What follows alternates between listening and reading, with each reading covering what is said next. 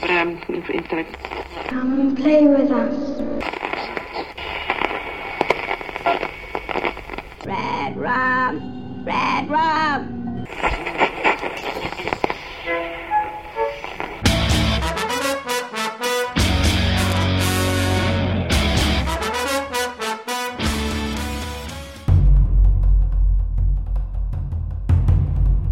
Na początku poprzedniego dziesięciolecia, podczas pierwszych zjazdów naszego forum, mieliśmy sporo takich utopijnych wizji na przyszłość.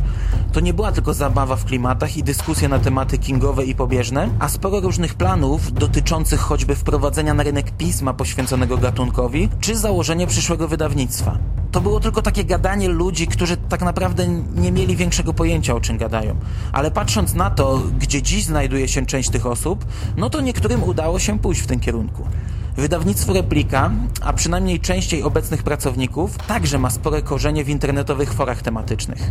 Zmierzam jednak do tego, że na pierwszym zjeździe w 2002 roku dużo rozmawialiśmy o pomyśle na antologię, która zawierałaby zarówno polskich znanych autorów, debiutantów oraz mocne zagraniczne nazwiska, które napędzałyby sprzedaż. Ja wtedy miałem jeszcze ten okres, gdy trochę bawiłem się w pisanie prozy i sama wizja tego, że jakiś mój tekst mógłby znaleźć się w jednej książce z Kingiem, no sprawiała, że niemal szczytowałem. Oczywiście to była taka mglista wizja, do której już potem chyba nikt nie wracał w rozmowach zjazdowych. I dopiero po niemal 10 latach podobny pomysł wykorzystał polski wydawca. A mówimy tu chyba o jedynej współczesnej antologii grozy zbudowanej na zasadzie przeplatania się polskich tekstów z zagranicznymi.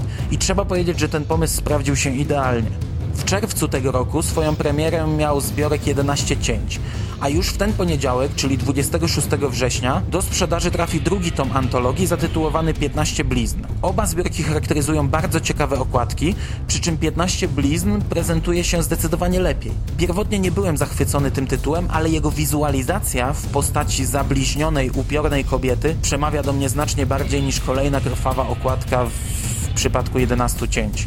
Choć trzeba zaznaczyć, że to też była bardzo dobrze graficznie przygotowana książka. Jak sam tytuł wskazuje, w zbiorku znajdziemy 15 opowiadań. I już sam fakt, że otrzymujemy choćby nowego Jacka Ketchama, o którym sporo mówiłem w 15 odcinku podcastu, oraz specjalny wstęp do opowiadania napisany wraz z tłumaczem, sprawia, że książka z miejsca stała się pozycją obowiązkową na mojej liście zakupów. Dzisiejszą audycję chciałbym jednak ograniczyć tylko do jednego tekstu, którego autorem jest najstarszy syn Stephena Kinga, Joe Hill. Chodzi mi o dość nowe opowiadanie Twitterowanie z cyrku umarłych, które oryginalnie ukazało się w lutym 2011 roku w tematycznej antologii o zombie The New Dead pod redakcją Christophera Goldena. Warto wspomnieć też, że książka doczekała się tegorocznej nominacji do nagrody Bram Stoker Award.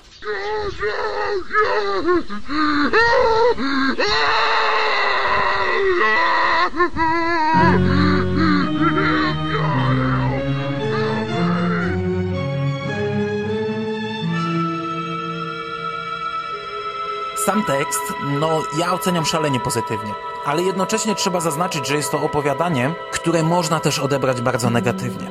Mam wrażenie, że będzie to tekst, który albo się kocha, albo nienawidzi. Wszystko zależy od tego, czy kupimy konwencję. Ja wiem, że tytuł Twitterowanie z cyrku umarłych mógł mi już wiele powiedzieć, ale wcześniej nie czytałem nic o tym tekście i bardzo zaskoczyła mnie forma opowieści podanej w postaci tweetów. Dla tych, którzy jeszcze nie poddali się fali serwisów społecznościowych i blogowych, wyjaśniam, że Twitter jest mikroblogiem, w którym umieszcza się krótkie wiadomości tekstowe nie przekraczające 140 znaków. Każdy używa takich serwisów według własnego uznania. Mogą to być jednozdaniowe mikrorecenzje, można tweetować w celu informacyjnym, no ale większość ludzi dokumentuje po prostu swoje życie, przekraczając często granice absurdu, pisząc setki postów dziennie o tym, co robią, gdzie idą, co jedzą i kiedy się wydalają. Prywatność i tematy tabu w dobie internetu już dawno przestały istnieć.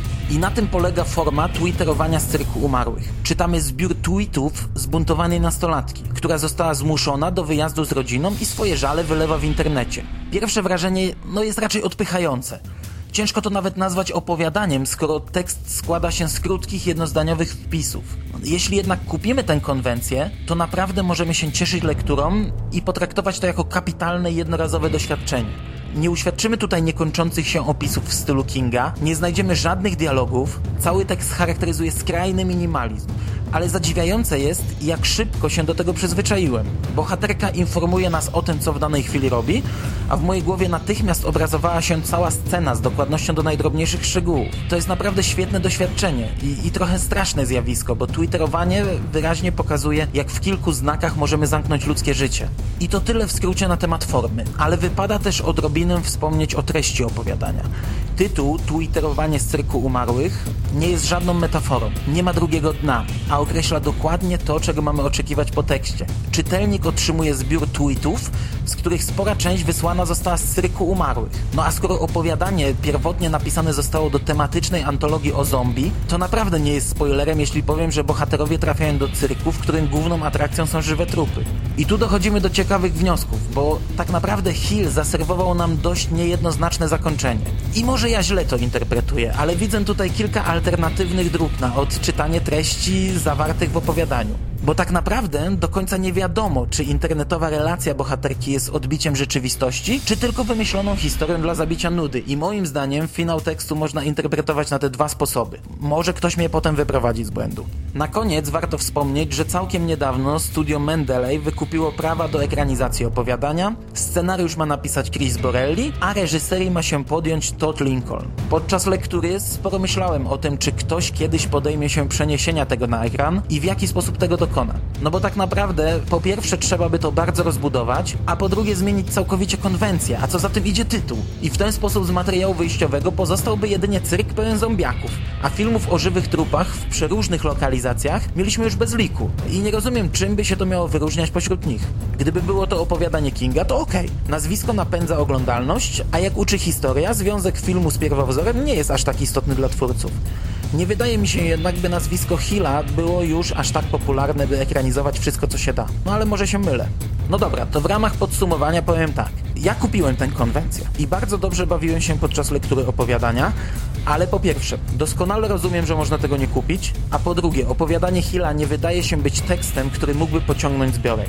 Warto zainwestować te kilka złotych w 15 blizn, bo to obecnie jedna z najlepszych i najciekawszych antologii tematycznych na naszym rynku. Ale nie wiem, czy warto robić to dla samego Hilla. Ja przynajmniej, będąc już po lekturze opowiadania syna Stephena Kinga, nadal bardzo czekam na premierę. Liczę, że najlepszy jeszcze przede mną i ostrze pazury na Jacka Ketchama, Edwarda Lee, Ramseya Campbella i wielu innych, których nazwisk wymieniać nie będę, ale znajdziecie je na okładce książki. Hill dał radę, ale liczę, że inni poradzą sobie jeszcze lepiej. I na sam koniec chciałbym jeszcze wspomnieć, że tak się akurat zdarzyło, że w tym tygodniu zrecenzowałem dwa nowe horrory z wydawnictwa Replika. Oczywiście jeśli w przypadku 15 blizn można w ogóle mówić o recenzji. Druga audycja dotyczy rewelacyjnej książki Sukkup Edwarda Lee. Podcast ukazał się w czwartek, a znajdziecie go w zakładce Kombinat w górnym menu. Zachęcam zarówno do słuchania, jak i tym bardziej do zakupu książki i pogrążenia się w niesamowitej lekturze. Naprawdę warto, a zamawiając oba tytuły zawsze zaoszczędzimy trochę na przesyłce. Pozdrawiam i życzę miłej lektury.